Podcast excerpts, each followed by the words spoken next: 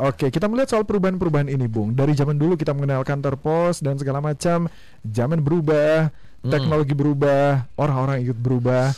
Apakah layanan mereka masih tetap sama? Nah, kita langsung berbincang dengan founder Rumah Perubahan. Hmm. Ada Pak Renal. Pak Renal Kasali. Pak. Renal, selamat pagi. Pagi Pak Renal. Ya, selamat pagi. Dodi dan Latif, apa kabar Pak? Oh, baik, baik. Terima kasih, Iya. Dodi dan Latif. Iya. Siap. Ini kantor pos lagi rame-rame ini sampai ada yang bilang kayaknya mau, Mau bangkrut. bangkrut, Ini termasuk yang dipetakan oleh Pak Renal akan disruptif nggak ini ke- kegiatan PT Pos ini? Ya, sebetulnya sudah dari 20 tahun yang lalu sudah bisa dibaca bahwa PT Pos ini berada di bawah suatu ancaman yang sangat serius. Sudah sudah tampak dari 20 tahun yang lalu. Jadi eh, beberapa direksi juga sudah mengambil langkah-langkah, tetapi seperti biasa transformasi itu biasanya disikapi dengan cara berpikir ekstrapolatif, Mhm. ya.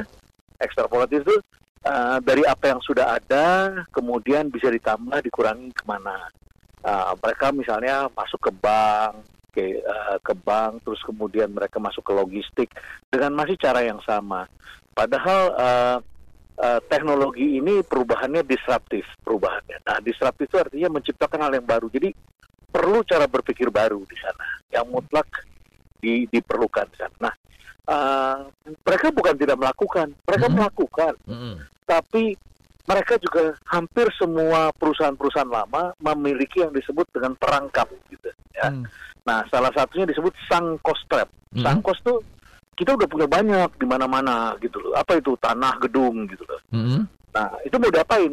Ibaratnya Anda punya menara Saidah lah ya. Yang tiba-tiba gedungnya miring gitu. Hmm. Anda mau ngapain gitu loh. Mau dirubuhin sayang, mau di Terus kan nggak ada yang mau ngisi.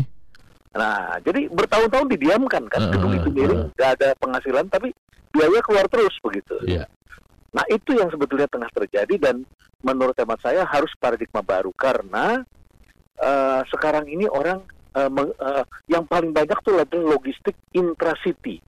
Sedangkan modelnya PT Pos itu yang lama adalah eh, antar kota. Begitu kan logistiknya. Hmm. Nah, sekarang ini intracity e-commerce ini luar biasa.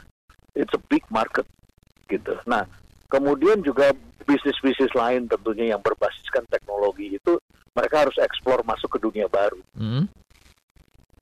Nah, di bagian mana sebenarnya kantor pos ini tidak ikut, tapi kemudian diisi oleh pemain-pemain swasta itu? Eh mereka tidak ikut di dalam intracity. Heeh. Misalnya gini, eh Go, Go, Gojek itu kan masuknya ke intracity. Heeh. Di dalam kota Anda pesan makanan, Anda minta dikirimin barang, Anda minta diantar pada jarak dekat. Sedangkan eh, model bisnisnya PT Pos adalah antar kota. Nah, antar kota itu heritage yang mereka punya, Mm-mm. begitu.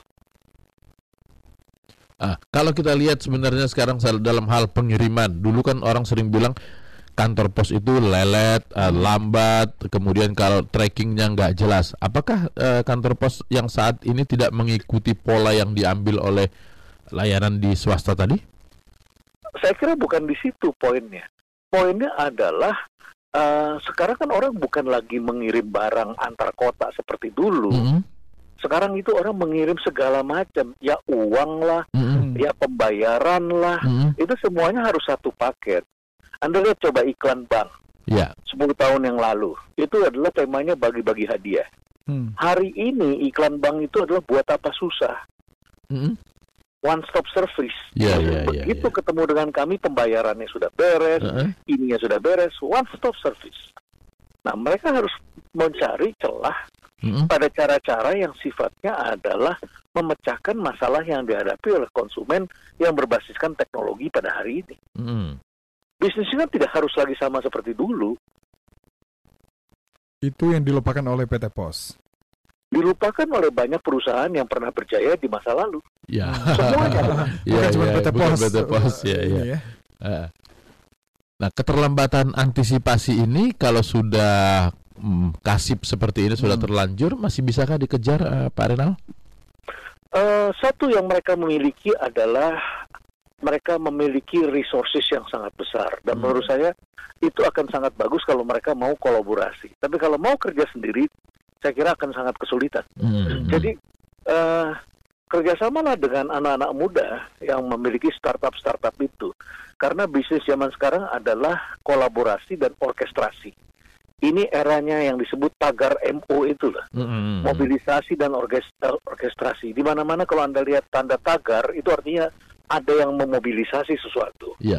Apakah itu penjualan, apakah itu isu, apakah itu uh, menghukum orang, uh, menyerang dan lain Hmm. sebagainya itu tagar itu semua digerakkan itu.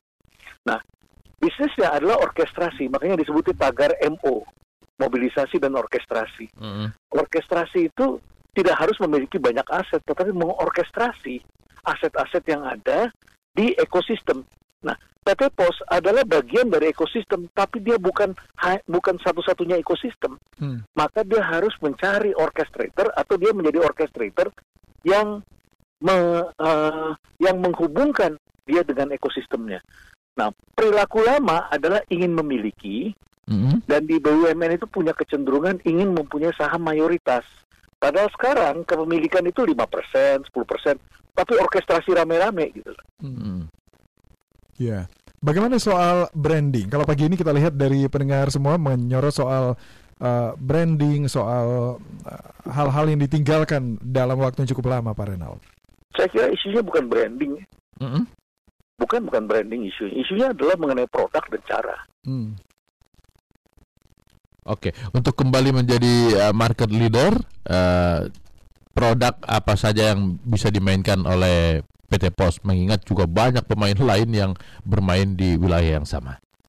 Tadi kan saya katakan orkestrasi, dia berkolaborasi dengan yang ada. Hmm. Eh, banyak eh, eh, industri e-commerce yang tidak mempunyai eh, Jasa pengiriman. seperti yang dimiliki Hmm. oleh PT Pos. Iya, iya, iya. banyak perusahaan logistik yang yang juga sudah marketnya begitu besar tidak Hmm. memiliki i- infrastruktur seperti yang dimiliki oleh PT Pos. Hmm. Berbagi rezekilah dengan sesama itu dan gunakan sensor untuk mendeteksi dan eh, kaitkan dengan enam pilar. Enam Hmm. pilar itu kan eh, super apps. Jadi cari itu super apps. Sekarang apa sih yang nggak dibisniskan dengan super apps? Iya, iya. Hmm. Semua pakai apps, Hmm. ya kan? Hmm. Kemudian yang kedua ada broadband network, Hmm. ada cloud computing, artificial intelligence, big data, dan Internet of Things. Jadi enam pilar itu Hmm. uh, dikolaborasikan. Oke, jadi uh, kolaborasi dengan pihak lain dan memanfaatkan competitive advantage yang dimiliki oleh PT Pos. Mungkin bisa menolong ini Pak Renal kira-kira? Iya, saya kira itu. Hmm. Hmm. Ya. Baiklah. Ya. Oke. Oke, Pak Renal, terima, Terima kasih kasih, sudah berbagi pagi ini ya. Ya, terima Selamat kasih. pagi Pak. Pagi. Sukses selalu. Sama-sama Pak.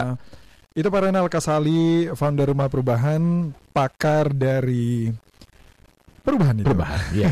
Jadi kalau ma- mau Jadi berubah itu perubahan. Iya, kalau masih mau ternyata masih Hmm. banyak hal yang uh, bisa dilakukan oleh PT Pos mengingat Ah. mereka punya keuntungan-keuntungan. punya infrastruktur, Infrastruktur, punya sumber ya. daya Ya. dan lain-lain. Tapi ini lagi-lagi Pak bilang bukan soal produk, eh bukan soal brandingnya, Ya. tapi bagaimana inovasi produk, bagaimana caranya dan yang lain. Ya mau saya komen langsung di sini ya. Fitri FM, The Real News and Information.